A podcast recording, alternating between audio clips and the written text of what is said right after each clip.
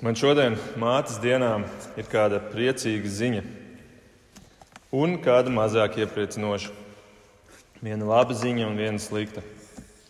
Es sākšu ar slikto. Un tā būs tik slikta, ka varbūt kādam mazliet sabojās mātes dienas prieku. Bet tas būs tikai uz brīdi. Pacietieties ar mani līdz beigām, mīļās mātes, jo labās ziņas dēļ ir arī vērts uzklausīt slikto. Sliktā ziņa ir šī. Mātes mums ir atnesušas lielu postu.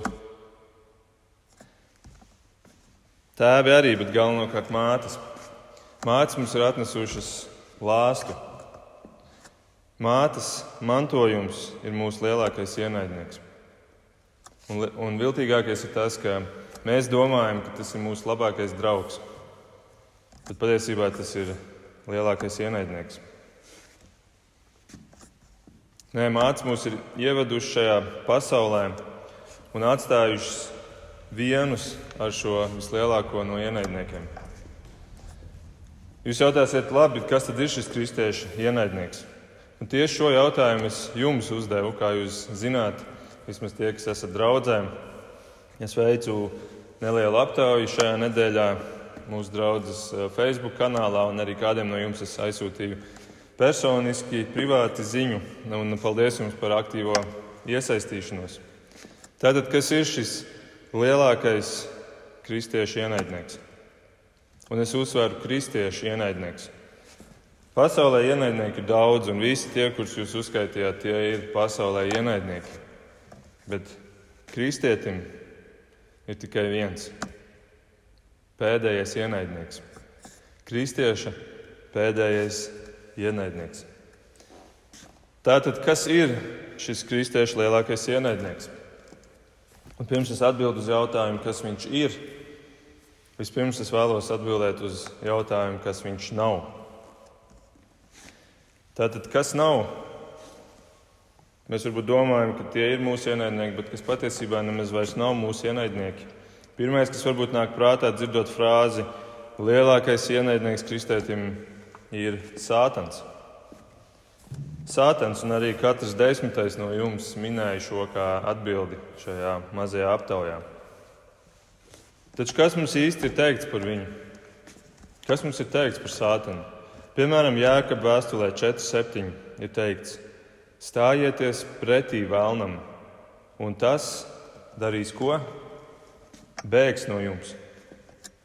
Tad, tad ir teikts nevis nevis baidieties no viņa, bet stājieties tam pretī. Ja Kristus nebūtu uzvarējis sātanu, tad jā, būtu jāmūk. Tāpat kā mēs mūkam no koronavīrusa. Tas, ko mēs darām, mēs slēpjamies. Mēs viņam negribam stāties pretī un sākt cīņu ar viņu. Bet šeit mums ir aicinājums stāties pretī sātanam. Bieži es dzirdu, un īpaši arī šajās dienās internetā klajot daudz video visādi, kur cilvēki kristieši saka, sātana uzbrukums, sātana uzbrukums, šis viss ir viens liels sātana uzbrukums, mana dzīve ir pilna ar sātana uzbrukumiem. Un tad man gribās jautāt, kas jums tā ir par teoloģiju? Kādēļ jūs padarat viņu stiprāku nekā viņš patiesībā ir? Sātens ir spēcīgs, jā, bet ne tuvu tik spēcīgs, kā mēs viņu dažreiz pasniedzam. Piemēram, Sātens netiek klāt Kristus izredzētajiem, Bībele saka. Mārka 13.22 ir teikts, ka Sātana sūtīti viltus kristi un viltus pravieši celsies un rādīs zīmes un brīnums, lai pieviltu, ja tas iespējams, arī izredzētos. Tas nav iespējams, tāpēc šis teikums skan arī šādā dīvainā, neparastā veidā. Un Sātans ir muļķis, ja viņš cenšas to, kas nav iespējams. No dieva rokām Sātans nespēja izraut dieva izredzētos. Un šī doma, ka Sātans ir tik spēcīgs, tad ar to mēs paceļam viņu patiesībā tik augstu gandrīz kā dievu, bet Sātans netūlīt nav līdzvērtīgs visspēcīgajam dievam. Sātens par visu prasa atļauju dievam. Sātanam valdīšanai šajā pasaulē, kura šobrīd ir viņam nodota, viņam tika izsniegta pilnvaru no paša dieva. Tāpat kā dievs deva atļauju Sātanam iet un iejaukties īaba dzīvē, mums labi zināmais stāsts. Varbūt kāds saka, nu jā, bet manā dzīvē notiek tas pats, kas notika īabam. Ha? Iebam, tu zini, kas ir ieps? Ieps bija taisnākais cilvēks virs zemes. Nepadarīsim sevi pārāk augstu, pārāk lielu. Ka pat sātens, kurš nav izpēcīgs, kurš nevar atrasties vairākās vietās vienlaicīgi, ka viņš nāktu un tieši mūsu dzīvēs nepārtraukti iejauktos. Neaizmirsīsim, ka galu galā sātens pats nonāks ellē. Un ir maldīgs uzskats, ka, ka Elē Sātans būs valdnieks un viņš būs tas, kurš tur saimnieko. Nē, viņš pats būs Elē kopā ar visiem apmānītajiem, pieviltajiem. Viņš pats cietīs mokas, un Elē, arī Elē, Dievs ir saimnieks un valdnieks. Visa vara ir nodota nevis Sātanam, bet Dieva dēlam Jēzum Kristum. Jēzus ir uzvarējis Sātanu. Ebrejiem 2.14 ir rakstīts, viņš Jēzus pieņēma miesu un asins, lai caur nāvi iznīcinātu to, kam ir nāves vara, tas ir vēlnu. Jēzus ir uzvarējis sātanu. Un es apzinos, ka es nevaru šeit, kā tas mazais sivēns, dziedāt dziesmiņu. Es no vilka nebaidos, un tad muktu savu salmu būdiņu. Bet, mīļie draugi, mums nav salmu būdiņas. Mums ir uz Kristus mūžīgās klints celts nams, kurā mājo vispēcīgais svētais gars, vispēcīgais dievs. Un tāpēc nepadarīsim sātanu lielāku nekā viņš ir. Kristus iznīcināja sātanu darbus, Kristus viņu padarīja mazu. Nepadarīsim viņu atkal lielu. Sātans nav kristiešu lielākais ienaidnieks. Un jā, es piekrītu, ka sātanam ir kāda arī joprojām vāra kāds spēks mūsu dzīvēm, bet tas nav sātana dēļ. Tas ir tā pēdējā ienaidnieka dēļ, par kuru es jums pastāstīšu. Bet vispirms vēl viens, vēl viens punkts, vēl viens, kas nav lielākais ienaidnieks, un tā ir pasaule. Arī katrs desmitais no jums minēja pasauli. Un arī šī doma, protams, nav tālu no patiesības, jo tajā pašā jēkab vēstules 4. nodaļā mēs lasām, Vai jūs nezināt, ka mīlestības pasaule ir dieva nīšana? Ik viens, kas grib mīlēt pasauli, to par dieva ienaidnieku. Jā, pasaules mīlētāji gan ir dieva ienaidnieki, bet atcerieties, mēs šeit runājam par kristiešu ienaidnieku. Un arī te Kristus dēļ mums ir jāsaka, pasaule mums neko nespēja izdarīt. Pasaule mums, garīgiem cilvēkam, neko nespēja izdarīt. Fiziski, jā, protams, Protams, vajāt, jā, bet fiziskās bēdas tomēr var un bieži vien iet roku rokā ar šo garīgo uzvaru, kur Kristus mums ir devis. Jēzus ir teicis Jāņa 16. Pasaulē jums būs bēdas, bet turiet drošu prātu. Es pasaulē esmu uzvarējis. Pasaule ir uzvarēta. Pasaule vairs nav mūsu lielākais ienaidnieks. Varbūt nāve. Varbūt nāve ir mūsu lielākais ienaidnieks. Mazliet par pārsteigumu neviens no jums neminēja nāvi. Bet eh, nāve ir tā, kas aptur mums visas iespējas atgriezties. Atgriezties pie Kristus, atgriezties pie Dieva. Nāve ir tā, kas nogriež ar nazi visas iespējas. Ebrejiem 9.27. teikts, cilvēkiem ir nolikts mirt tikai vienu reizi un pēc tam tiesa. Tur pa vidu nav nekādas purgatorijas. Uzreiz ir lielā tiesa, uzreiz ir stāšanās Dievu priekšā. Un tie, kur dodas uz šo lielo tiesu bez Kristus taisnības, tiem seko otrā nāve. Šī pirmā nāve izraisa otro nāvi, un otrā nāve ir mūžīgā nāve. Bet kristētim, kurš staigā Kristus taisnībā tērpts, nāve neko, neko nespēja izdarīt. Kristietim nāve nozīmē dzīve, īstā dzīve, īstā dzīvība. Pāvils teica, rakstīja Filipiešiem, jo dzīvot man nozīmē Kristus, un mirt man ir ieguvums. Dzīvot man ir Kristus, un pat mirt man ir ieguvums.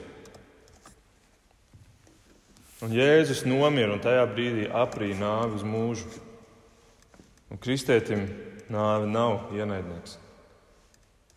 Kur nāve ir tava uzvara? Kur nāve ir tavs dzelonis? Bet tiem, kuri mirst bez šīs Kristus taisnības, kā jau teicu, viņiem, viņiem būs otrā nāve, kas ir šausminošāka par jebko, kas ir piedzīvots šajā dzīvē. Tā būs mūžība bez Dieva, kurš ir tev devis šo dzīvību, kurš uztur visu, kas ir labs šajā dzīvē. Un cilvēki tur nonāks tikai viena iemesla dēļ, un tas iemesls ir grēks. Un tā nu varbūt grēks ir tas lielākais ienaidnieks. Un uh, divas trešdaļas no jums minēja grēku. Minējāt visādi veidi grēku, sākot ar lepnību, un neticību, un šaubām un daudz citus. Varbūt grēks ir tas lielākais ienaidnieks. Un mēs 1. korintiešiem 15, 56 lasām, nāvis dzelonis ir grēks un grēka spēks ir bauslība. Te mēs lasām, ka grēks ir pie vainas tam, kad nāve iestājās. Bet izšķirošais jautājums ir, kas dod spēku grēkam? Ja jūs ievērojat šo pantu, tur ir teikts, ka grēka spēks ir bauslība. Kas ir tas, kas dod spēku grēkam? Tā ir bauslība, tie ir dieva likumi. Un likumu neizpildīšanu sauc par grēku. Un tā nu grēks tik tiešām ir lielākais ienaidnieks cilvēkam, kamēr bauslība ir spēkā. Bet bauslība vairs nav spēkā kristiešiem. Kādēļ? Romiešiem 8 teikts, tiem, kas ir Kristu Jēzu, vairs nav pazudināšanas, jo dzīvības gara likums Kristu Jēzu ir tevi atbrīvojis no grēka un nāves likuma. Dzīvības gara likums ir ienācis šī grēku un nāves likuma vietā. Jēzus ir kaut kādā veidā apmainījis šos likumus. Jēzus kaut kādā veidā ir apturējis to bauslības spēku. Viņš vairs nav spēkā un atnesis jaunu likumu, dzīvības likumu. Kristus vienīgais ir nācis šajā pasaulē un piepildījis bauslību bez neviena pārkāpuma. Grēks viņam bija nulle. nulle. Un tik un tā viņš gāja pie Golgāts krusta un samaksāja par grēku, un matemātiski runājot, viņš iegāja mīnusā. Viņam bija nulle grēku, un viņš tik un tā samaksāja. Viņš samaksāja avansā, un mēs, kristieši, dzīvojam no šī avansa. Mēs dzīvojam no šī avansa, no šī Kristus samaksātā avansa, un to lūk nozīmē būt tērptam Kristus taisnībā. Tērptiem Kristus avansā. Tādēļ nē, grēks vairs nav kristiešu lielākais ienaidnieks. Tas gan nenozīmē, ka tāpēc mēs tagad dzīvojam uz urāšo dzīvi, grēkojot bez apturas. Nē, Kristus taisnībā mēs esam tērpti, un ja mēs esam tērpti, tad grēks mums būs riebīgs. Šis, šis avans joprojām smaržo pēc Kristus asinīm. Šis Kristus taisnības apmetnis joprojām smaržo pēc Kristus asinīm, kas ir izlietas, lai samaksātu šo avansu. Tas mums atgādina par to, un tāpēc tas atgādina par grēku. Un tāpēc 1. Jāņa 3 ir rakstīts, ka viens, kas paliek viņā, Kristū, negrēko. Bet kas grēko, tas nav nedz viņu redzējis, nedz pazīstams. Es varētu pielikt klāt, kas grēko, nenēsā viņa asinīm aptraipīto taisnības apmetni. Avansā samaksāto. Un šis, šis pants ir ļoti mulsinošs, jo mēs zinām, ka mēs joprojām nu, grēkojam dzīvē, vai ne? Bet tas darbības vārds negrēko, ja viņu paņem pilnīgāk iztulkot, viņš nozīmētu nepraktizē grēku. nedzīvo grēka dzīvesveidu. Zaglis dzīvo grēka dzīvesveidu, jo viņš katru rītu ceļās un viņa uzdevums ir iet un zakt, lai sevi uzturētu. Bet kristietis vairs negrēko šādā formā, viņš vairs nedzīvo šo grēka dzīvesveidu, viņš nespētu. Un, ja tas krīt grēkā, tas ceļās atkal augšā un nožēlo to, un tas kļūst par rūktu atgādinājumu nākotnē. Un, un augšs šis riebums pret grēku, un rezultātā dzīvē kļūst redzams skaidrs virziens prom no grēka. Un tāpēc Bībele nopietni runā par atgriešanās augļiem, kuriem ir jābūt redzamam, un jaunpiedzimušam kristietim šie augļi būs redzami ar laiku. Un tie apliecinās, ka grēkam vairs nav varas pār šo cilvēku. Un tā nu grēks nav tas lielākais no ienaidniekiem kristietim. Tā nu Kristus ir uzvarējis visus ienaidniekus jau. Mūsu vietā viņš to ir izdarījis. Viņš ir uzvarējis visus, izņemot vienu. Šo vienu viņš ir atstājis, lai mums būtu jēga dzīvot šo laicīgo dzīvi. Lai mums būtu jēga par kaut ko un pret kaut ko vēl cīnīties šeit. Kas ir kristiešu lielākais ienaidnieks? Kas ir šis pēdējais ienaidnieks, kas mums ir atstāts? Tā ir miesa. Miesa.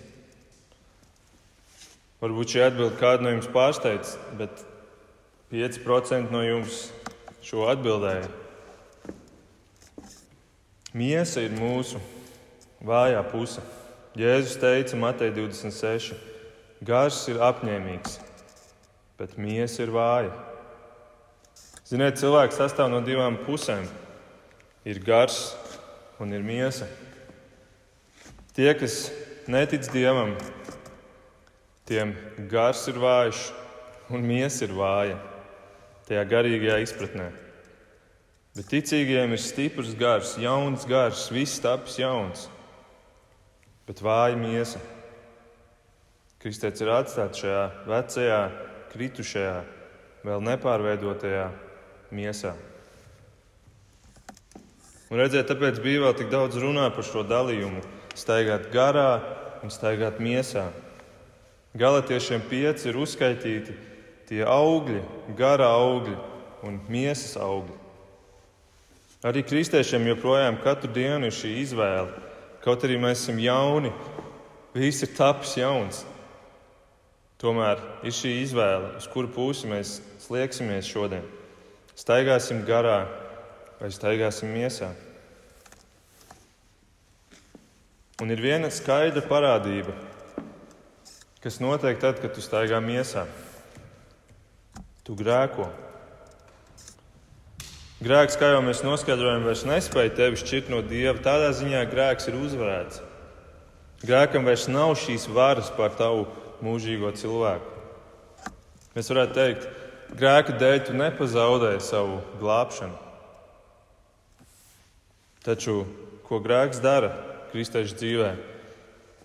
Grēks čakarē, tautas valodā runājot. Čakarē tavas attiecības ar Dievu. Tāpat kā mani dēli, ja viņi grēko kaut vai grēko pret mani, es viņus neizmetu no savas mājas, es viņus neizslēdzu no ģimenes. Bet uz kādu brīdi mūsu attiecībās iestājas ledus laikmets. Un nu, viņi zina, kamēr pastāvēs šis ledus laikmets, viņi var nenākt pie manis prasīt kādus labumus. Viņi apzinās, ka vispirms ir jānokārto šī lieta. Un līdzīgi ir ar mūsu attiecībām ar mūsu abu tēvs, ar mūsu Dievu. Kad mēs, kā viņa brāļi, grēkojam, un mēs to darām pakļaujoties šai mūsu miesai, kad mēs to darām, viņš, viņš aptur savas svētības mums un Viņš pārmāca mūs. Viņš neizmet mūs no, no Dieva ģimenes, un, un tie, tie ir maldi, kas, kas tā domā un kas tā māca. Jo šeit mēs atkal uzliekam, atdodam spēku grēkam, grēka bauslībai. Bet nē, tas, kurš ir Kristus izpirkts, par to Kristus cīnās. Un, un tas, kas ir adoptēts Dieva ģimenē, Tas netiek vienkārši izslēgts no ģimenes, bet tēvs viņu pārmāca. Pārmāca, un ebrejiem 12.7. mēs lasām, pārmācībā esiet pacietīgi. Dievs izturas pret jums kā pret dēliem. Kuru dēlu gan tēvs nepārmāca? Pārmācība ir laba lieta, jo tā atgādina mums, ka mēs esam Dieva bērni. Un tomēr negribas arī pārāk bieži šo zīmi, šo atgādinājumu redzēt. Bet pārmācība nāk, jo mēs dodam vaļu mūsu miesai. Kamēr šo savas mātes doto miesu mēs uztversim kā savu labāko draugu, to lutinādam, nevis kā savu, savu sīvāko, savu lielāko, savu pēdējo ienaidnieku, to iegrožodam, tikmēr mēs paši sev griežam nost svētības mūsu dzīvē. Mēs esam tie, kas aptur šīs svētības, kuras Dievs sūta mūsu virzienā. Un tā nu kristietim ar Kristu viss jau ir dots. Tikai grēks spēja atņemt šīs svētības, un to dara šī miesa. Jo miesa stājas pretī gara pamudinājumiem. Galtiešiem 5, 17 mēs lasām, Jo miesa iekāro pretēji garam, bet gars pretēji miesai. Tādēļ, ka tie abi stāv viens otram pretī, jūs nevarat darīt visu, ko gribat. Miesa iekāro pretēji garam, bet gars pretēji miesai. Un tādēļ, ka tie abi stāv viens otram pretī, lūk, šeit ir tie divi ienaidnieki. Tāpēc, ka viņi stāv viens otram pretī, jūs nevarat darīt visu, ko gribat. Padomājiet par šiem vārdiem. Tu varbūt gribi darīt labu, tu gribi darīt dieva gribu, bet tu tik bieži klūpi. Beigās tu netiec līdz tam darbam, kur tu gribi darīt. Tu netiec uz priekšu. Beigās to, ko tu biji apņēmies darīt, tu nespēji izdarīt. Un varbūt to, ko tu ļoti negribēji izdarīt, to tu pēkšņi izdari. Un, ziniet, apstulim Pāvēlam gāja tāpat kā mums. Pat viņš ar to cīnījās. Romiešiem 7. slavenajā vietā viņš raksta: Es zinu, ka manī tas ir manā miesā, manā miesā nemājo labais. Es gan varu gribēt labu, bet piepildīt nevaru. Nevis to labo, ko gribu, es daru, bet rīkojos ļauni, kā pats negribu. Un, ja es daru to, ko es negribu, tad ne jau es to daru, bet manī mītošais grēks. Es saskatu šādu likumu, kad gribu darīt labu, man piestājas ļaunais. Pēc sava iekšējā cilvēka es ar prieku piekrītu Dieva bauslībai, bet savos ceļos Es manu savos locekļos, tātad savā miesā, es manu citu likumu, kas karo pret mana prāta likumu un sagūst mani tajā grēka bauslībā, kas ir manos locekļos. Redziet, kāds spēks šai miesai. Baisi vārdi. Un daudziem šie, šie, šie vārdi ir neizprotami. Es esmu redzējis Bībeles, kurās punkti šajos teikumos ir pārveidoti par jautājumu zīmēm. Tāpēc, ka taču nevar būt, ka Pāvils to saka kā faktu. Varbūt kāds tur ir pārrakstījies, varbūt tas bija Pāvila jautājums. Bet tas, ka Pāvils to saka kā faktu, to mēs redzam no nākamā teikuma, 24. kur viņš saka, es nožēlojamais cilvēks. Kas man izraus no šīs nāvei padotās miesas? Es nožēlojamies cilvēks. Kas man izraus no šīs nāvē padotās miesas? Es neatrodu Pāvilu nekur citur Bībelē sakām, kas man izraus no sātana rokām, vai, vai kas man izraus no šīs pasaules, vai kas man izraus no grēka. Nē, tie vairs nav Pāvila ienaidnieki. Bet viņš saka, kas man izraus no šīs miesas? Un kaut mēs spētu redzēt mūsu miesu kā tādu, kādu Pāvils šeit redz savējo. Šī miesa. Ziniet, pat Jēzum bija jānāk miesā, lai to uzvarētu. Tas ir tā, it kā miesa teiktu, es esmu tik spēcīga, es esmu neuzvarama. Es neesmu uzvarama pat ne tev, tu Dieva dēls. Un tad notika neticamais. Tad notika neaptveramais. Jāņa 1,14. Un vārds tapa miesa. Vārds ir Dievs. Un Dievs tapa miesa un mājoja mūsu vidū. Un mēs skatījām viņa godību, tādu godību kā tēva vienpiedzimušajam dēlam.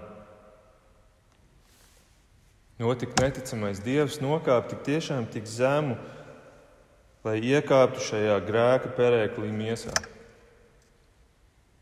Šajā nolādētajā metālī miesā, šajā perēklī, kurā bija tik daudz cilvēku, miljardiem cilvēku ir iekāpuši, un neviens nav izkāpis dzīves šajā miesā.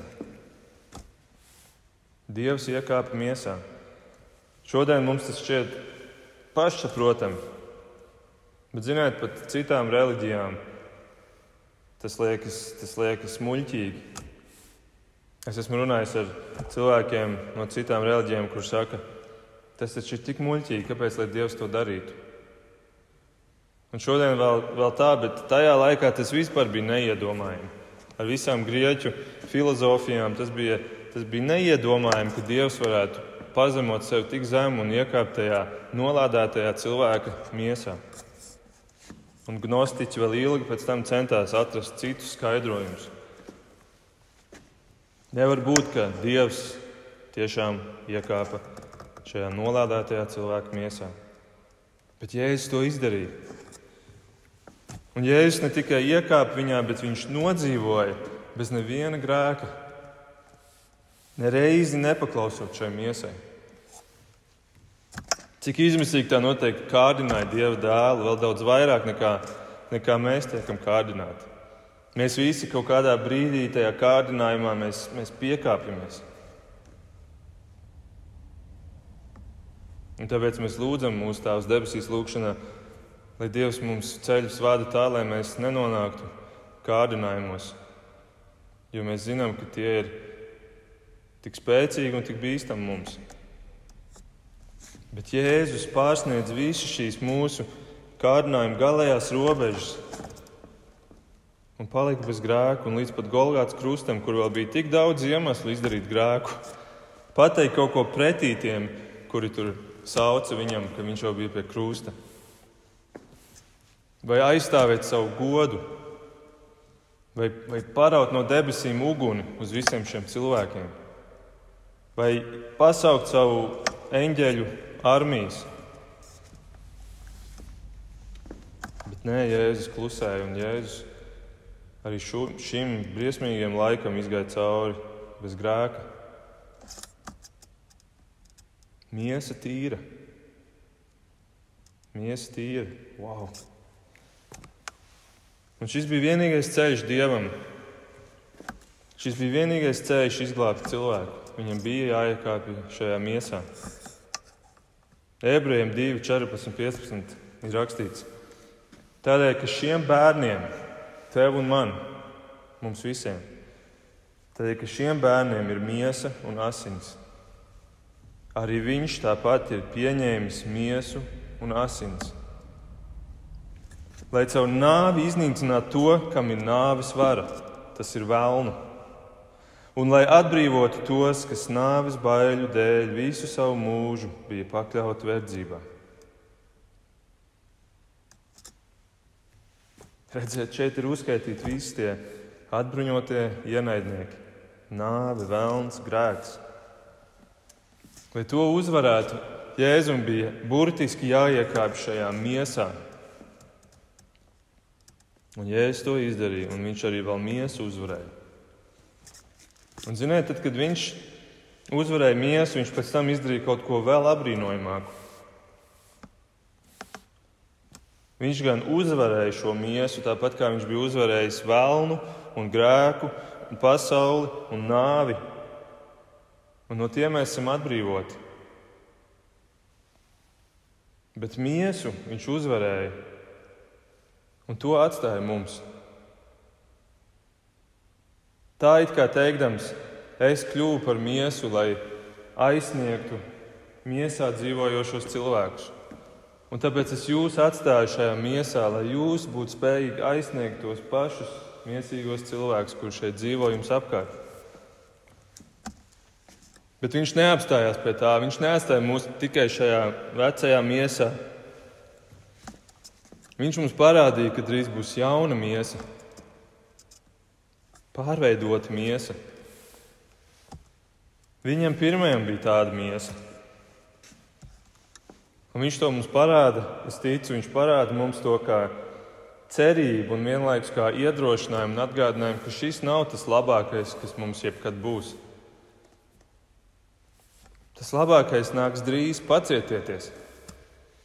Pacietieties un stājieties cīņā ar šo veco miesu, kur joprojām staigā kritušā cilvēka ceļus. Stājieties cīņā ar šo veco miesu un neticiet tās čukstiem. Jo jūs gaidat kaut kas labāks. Un Kristus to jau ir uzvarējis, bet Viņš mūs vēl ir atstājis šajā cīņā. Stājies cīņā ar šo ienaidnieku. Šis ienaidnieks, šī miesa ir tik asinskāra, ka pat dievam tā bija jāpiesit pie krusta. Tāpēc neuztver to kā savu labāko draugu. Tev ir jāstājās pretī viņai. Kā tu to vari darīt? Es vēlos jums iedot vēl trīs īsus veidus. Veidu ir daudz, bet trīs lietas, kuras jūs varat paņemt līdzi. Pirmā lieta ir šausti savu miesu.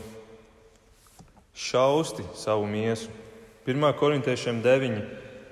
Pāvils raksta, bet es šaustu un pavērdzinu savu miesu, lai sludinādams citiem pats nekļūtu atmetams. Lai sludinādams citiem nevis nepazaudētu savu glābšanu, bet lai es neapturētu tās svētības, kuras Dievs sūta caur mani citiem cilvēkiem. Lai es nekļūstu nederīgs, tāpēc es šaustu savu miesu, un es viņu pavērģinu, un es viņai atgādinu, ka es esmu tagad kungs pār viņu. Kristus spēkā es esmu kungs pār viņu. Ko nozīmē šaustīt? Ne jau fiziski. Kaut gan mazliet sportot arī nenāk par sliktu miesai. Parādīt viņai, ka tu esi kungs pār viņu. Dzīvot veselīgu dzīvesveidu noteikti nāks par labu jūsu abu attiecībām, parādot, kurš ir kungs. Šaustīt ne fiziski, ne ar vardarbību, bet šausti garīgi. Šausti garīgi tādā veidā, ka tu neskatīsies tur, kur gribi, ka tavu miesa skatās. Šodien acīm piedāvājums ir nāvējošs, plašs. Un šaustīt nozīmē, ka es viņai neklausīšu Tā kā viņi man teiks, klausies, vai nu tajā izklaidē, vai garīgās lietās, kurās tajā nevajadzētu klausīties. Vienalga, vai tā ir kristīga mūzika, kurai, kurai, kurai tev ne, kurā tev nevajadzētu klausīties, vai garīgi sludinātāji. 2. Timoteja 4.3 ir teikts, ka Būs laiks, kad ļaudis vairs necietīs veselīgo mācību, bet savus iekārs dzīti. Pulcinās sev tādus skolotājus, kas glaimo viņu dzirdēju. Dzirde ir miesas puse. Tava dzirde, tavs ausis grib dzirdēt vārdus no sludinātājiem, kuri apstiprina tavu dzīvesveidu. Un es nezinu, iespējams, šie laiki jau ir klāti. Būs laiks, kad ļaudis vairs necietīs veselīgu mācību, bet savus iekārus, un iekārs nāk no miesas, savas miesas iekārs dzīti, pulcinās sev tādus skolotājus, kas klaimo viņu dzirdē. Un ar ausīm piedāvājums šodien ir nāvējoši plašs. Netic iekāriem, kurus miesa tev piedāvā. Drīzāk parāda miesai, ka ir ka tu jau esi apmierināts, ka tev ir kāds augstāks apmierinājuma avots, tad miesa neko nespēs izdarīt vairs. Tev vairs nevajag tās miesas, miesas piedāvātās baudas, jo tev ir daudz lielāka bauda. Un tas ir tavs apmierinājums Jēzu Kristu. Un šis apmierinājums Jēzu Kristu ir, ir tā lielākā šausmīšana miesai. Šausti miesu. Otra lieta - iepauzē. Iepauzē, apstājies, iepauzē. Tavu miesa grib skriet, tavu miesa grib strādāt vai negrib strādāt, bet esi tu tas, kurš pasaka, kad lietas sāksies un kad lietas beigsies. Tavai miesai vajag fiziskas pauzes, citādi tā pār, paraus tevi līdzi sev Uh, uz slimnīcu, un, un pēc tam tev būs jāgaida, kad miesa atļaus tev doties atkal mājās. Tā ir tā fiziskā puse, bet tas pats notiek arī garīgi. Ja tu nedosi pauzes, tad miesa pārņems kontroli pār tavu dzīvi. Un tāpēc Dievs ir devis mums sabatu, Dievs ir mums devis šo dienu, kurā nevis tikai fiziski mēs ejam un atpūšamies, bet ka tu noliec šo, šo kaut vai šo vienu dienu nedēļā, kur tu pasaki miesai, es neiešu tos ceļus, kurus tu gribētu, lai es eju. Es nestrādāšu šodien. Es nedarīšu to, ko dara vispārējā pasaule šodien. Es paņemšu pauzi, es būšu draudzē. Es domāšu par Dievu šajā dienā vairāk. Es ieklausīšos viņā vairāk. Parādi miesai, ka tu valdi pār to Parāda, ka tu dod garīgajam laiku, un miesai tas ļoti nepatiks. Tātad šausti, iepauzē. Un trešais - esi vairākumā. Esi vairākumā. Atcerieties, tavs gars pret tavu miesu. Tas nav līdzvērtīgs duels. Miesa uzvarēs. Tādēļ arī visi cilvēki ir grēkojuši, mēs redzam, Bībelē saka, visi cilvēki ir grēkojuši, visiem cilvēkiem miesa ir uzvarējusi. Un ir tikai viens veids uzvarēt. Tev ir jābūt vairākumā, tavam garam ir jābūt vairākumā, kad tu cīnies ar miesu. Tāpēc paņem vēl vienu garu. Lai būtu divi gari pret vienu miesu. Ja tu paņem šo otru garu, tev patiesībā pietiks ar to vienu, jo tas ir svētais gars. Šajā cīņā tu nespēsi uzvarēt, ja nebūs svētā gara tevī. Tikai tā tu spēj staigāt garā, uz ko Bībele mūs aicina. Ja tu nestaigās garā, tu automātiski staigā miesā. Un bez svētā gara tu nespēji cīnīties ar šo miesu. Bet pat ja tev ir šis svētais gars, tev ir jāstaigā viņā, bet ar svētā gara spēku tu to spēj darīt. Tātad šausti miesu, ņem pauzes un es vairākumā.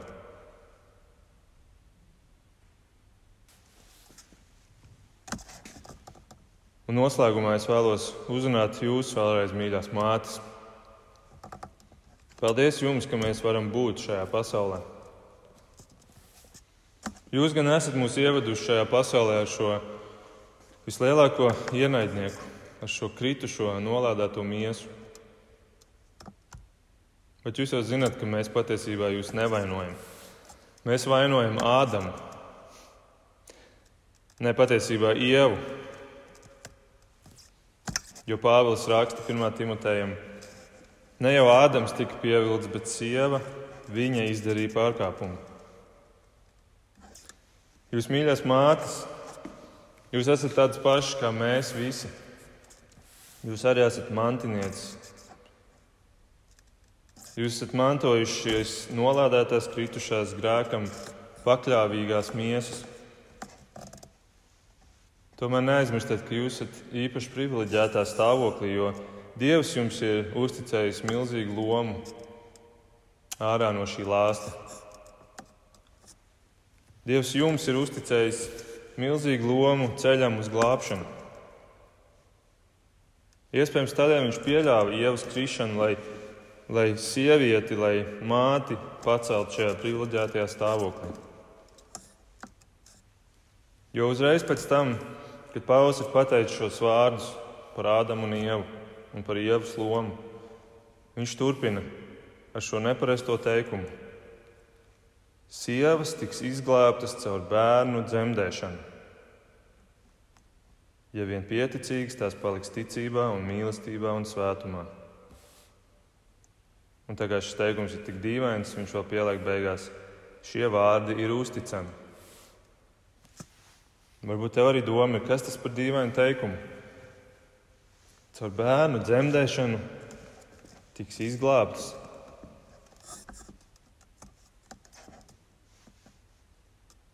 Jautājums ir, no kā izglābts? Caur bērnu dzemdēšanu viņš netiks izglābts mūžīgai dzīvībai.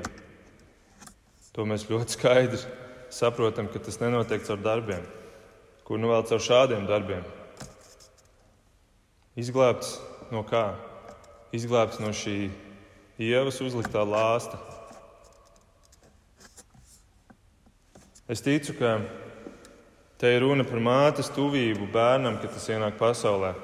Māte vairāk nekā jebkurš cits spēja izrādīt bērnam šīs lietas, kuras Pāvils šeit min šo ticību, mīlestību un svētumu, parādīt to jau šai miesai, jau pašā dzīves sākumā.